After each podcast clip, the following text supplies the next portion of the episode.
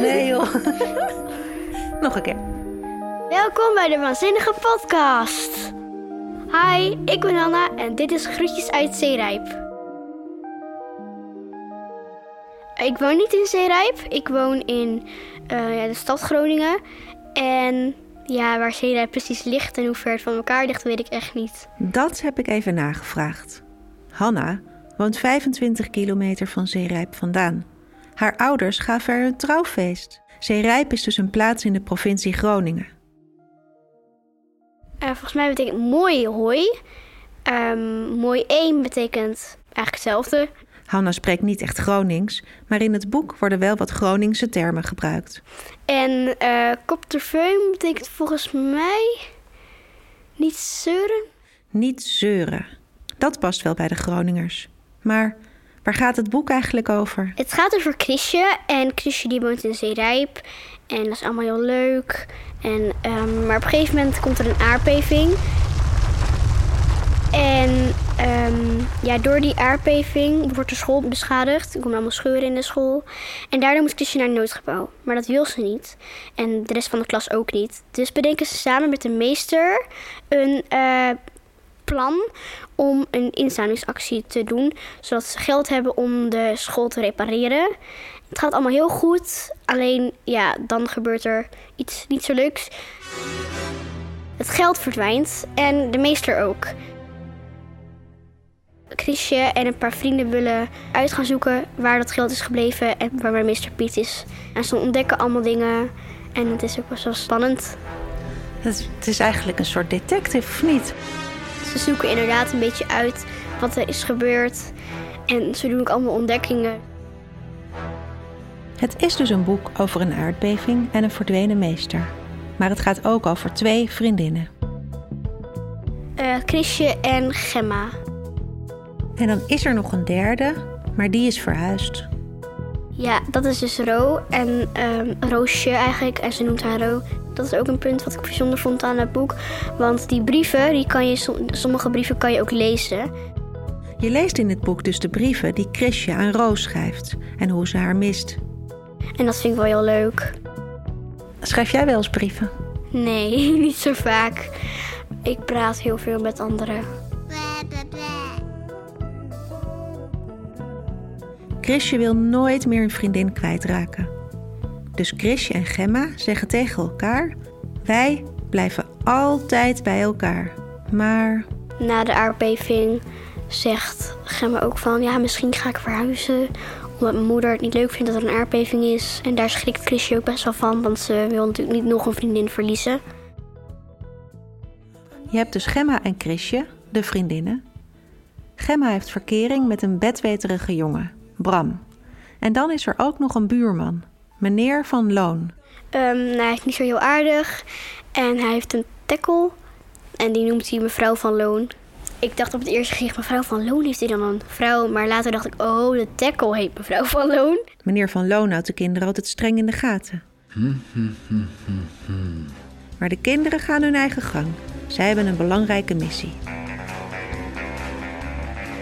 Ja, zoals ik al vertelde, meester Piet, die is opeens weg.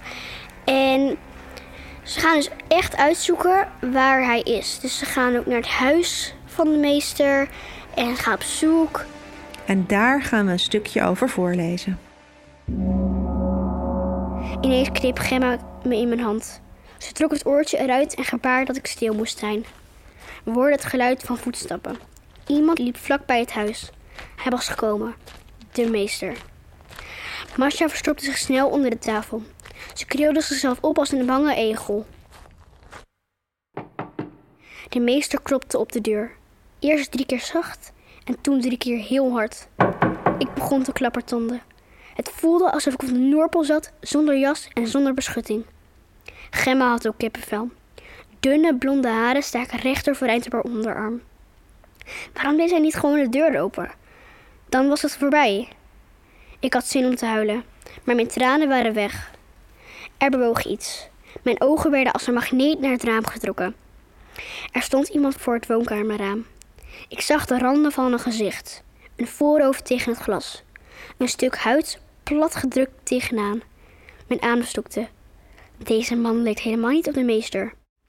Hoe durven jullie in te breken? riep een woedende stem van buiten. Door zijn adem besloeg het raam. Manier van loon? zei Gemma. Zijn gezicht was superwit.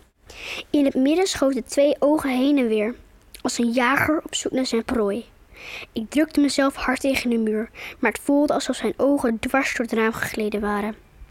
Ze glibberden rechtstreeks op me af en stopten vlak voor mijn gezicht. Ik wilde niet meer bewegen.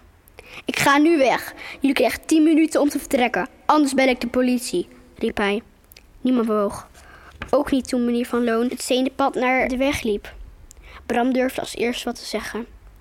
Plan mislukt, zei hij zuchtend. Ja, is toch niet zo'n goed idee van jou, zei ik. Mijn stem trilde. Nou, dan verzin je de volgende keer zelf toch iets.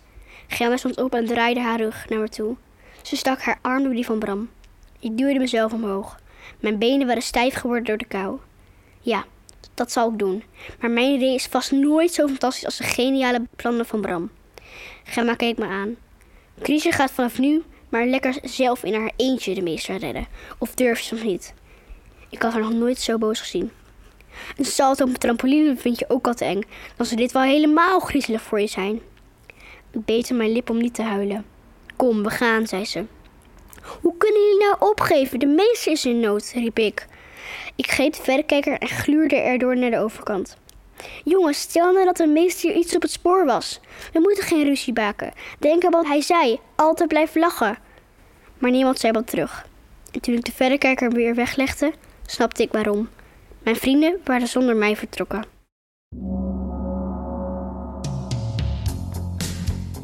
Ja, dit boek gaat ook heel erg over verkering. Ja, wel een klein beetje, want Chris wil heel graag verkering. En niet omdat ze gewoon verliefd is, maar eigenlijk omdat iedereen verkering heeft. En dan, is dat zo, en dan voelt zij een beetje als, alsof van ik moet ook verkering, want iedereen heeft verkering. Ehm, ik vind dat niet zo, maar Chrisje vindt dat wel. Jij vindt het eigenlijk een beetje raar van Chrisje dat ze zo in elkaar zit. Ja, ik, nou ja, ik vind gewoon, je hoeft, niet, je hoeft niet verkering te hebben omdat anderen verkering hebben. Als jij niet wil dat je verkering hebt, dan wil je geen verkering. En heb jij eigenlijk al wel eens verkering gehad? Nee. Zou je het willen? Ja.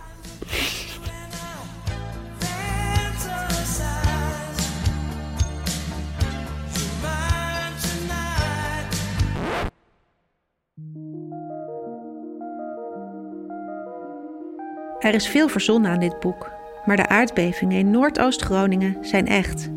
Ze ontstaan doordat er geboord wordt naar gas, diep onder de grond. Gas waar heel Nederland de verwarming mee stookt en een lekker eitje kan bakken. Het boren zorgt voor grote problemen. De aarde zakt in, huizen komen scheef te staan en diepe scheuren maken de gebouwen kapot. Daar wordt natuurlijk tegen geprotesteerd en Hanna doet mee. Happy New Year. De wereld staat in de fik en ik zou het willen blussen, maar het Um, ik heb inderdaad meegelopen met de fakkeltocht. Toen heb ik um, met de fakkel gelopen om eigenlijk zo'n protest tegen dat er gas geboord wordt in Nederland. En waarom is dat belangrijk? Omdat het heel slecht voor het milieu is en uh, de huizen trillen ervan. Dat zorgt, dat zorgt voor aardbevingen. Merk je zelf iets van de aardbeving? Nee, niet echt. Ik ben niet, ik heb, ben niet wakker geworden. Ik heb eigenlijk nog nooit een, echt een aardbeving gevoeld of echt meegemaakt. Maar ik uh, zie wel soms scheuren in ons huis, want wij hebben het wel. We wonen niet midden in het aardbevinggebied, maar we hebben wel scheuren in ons huis. Of je blijft blind, want waar vuur is, is rook. Happy New Year. En ben jij trots op Groningen? Ik ben heel trots op Groningen, want we durven ons te laten horen en mensen lopen over ons heen, maar niet weer terug. Op een gegeven moment is het een keer klaar. Hanna stond zelfs op de voorpagina van het Dagblad van het Noorden. Zou het helpen? Zal er nu geluisterd worden naar de verhalen van de Groningers? Hoop het wel, ik hoop het wel, want het klopt wel, want het is wel onze toekomst. Wij moeten hier nog heel lang leven. Dus ik hoop wel dat mensen er echt gaan naar luisteren. Of echt de regering, dat hier naar gaat luisteren. En niet voor mezelf, maar voor ons allemaal. Ik wil zien in 50 tinten groen. Ik wil graag denken en durven en doen. Dit was Hanna over het boek Groetjes uit Zeerijp. Het is geschreven door Lisette van Geel en de illustraties zijn van Iris Boter. Hanna zit in het leesteam van de kinderjury.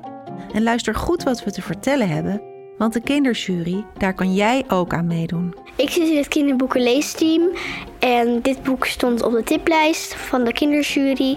Hanna zit dus in het leesteam van de kinderjury. Ja, dat is wel echt een eer, toch? Een erebaantje? Dat was een hele eer, heel, heel eerbaatje en ik doe ook allemaal leuke dingen. Zoals dit.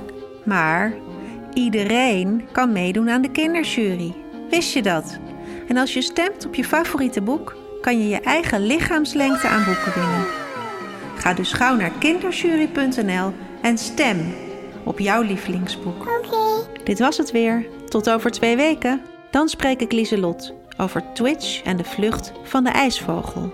Hoi, ik ben Lieselotte en ik ben 11 jaar oud. Ik vind de natuur heel belangrijk, omdat het ons bijna alles geeft wat we nodig hebben.